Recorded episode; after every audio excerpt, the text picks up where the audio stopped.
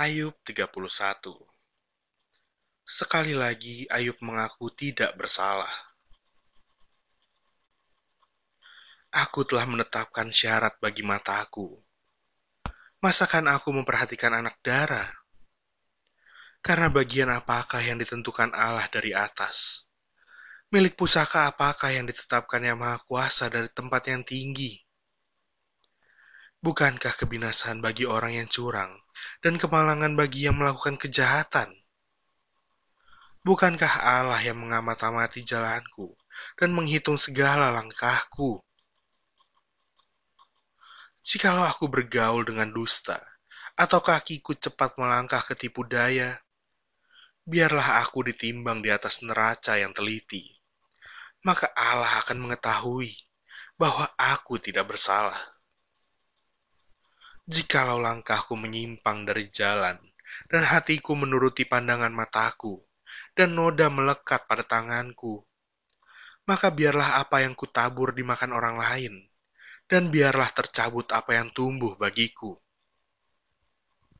Jikalau hatiku tertarik kepada perempuan, dan aku menghadang di pintu sesamaku, maka biarlah istriku menggiling bagi orang lain, dan biarlah orang-orang lain meniduri dia karena hal itu adalah perbuatan mesum, bahkan kejahatan yang patut dihukum oleh hakim. Sesungguhnya, itulah api yang memakan habis dan menghanguskan seluruh hasilku.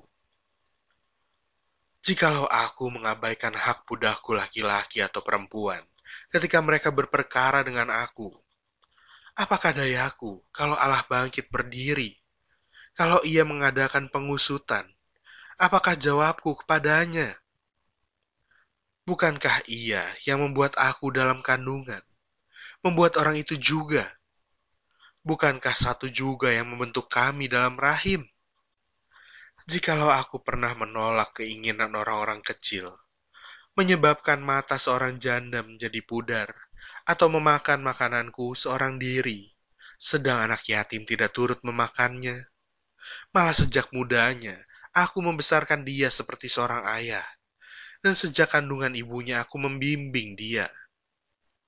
Jikalau aku melihat orang mati karena tidak ada pakaian, atau orang miskin yang tidak mempunyai selimut, dan pinggangnya tidak meminta berkat bagiku, dan tidak dipanaskannya tubuhnya dengan kulit bulu dombaku, jikalau aku mengangkat tanganku melawan anak yatim, karena di pintu gerbang aku melihat ada yang membantu aku, maka biarlah tulang belikatku lepas dari bahuku, dan lenganku dipatahkan dari persendiannya.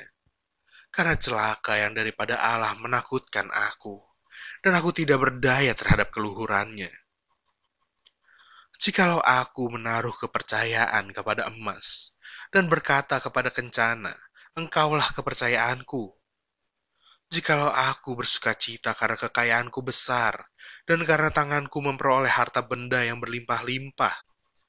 Jikalau aku pernah memandang matahari ketika ia bersinar, dan bulan yang beredar dengan indahnya, sehingga diam-diam hatiku terpikat, dan menyampaikan kecupan tangan kepadanya, maka hal itu juga menjadi kejahatan yang patut dihukum oleh hakim, karena Allah yang di atas telah kuingkari.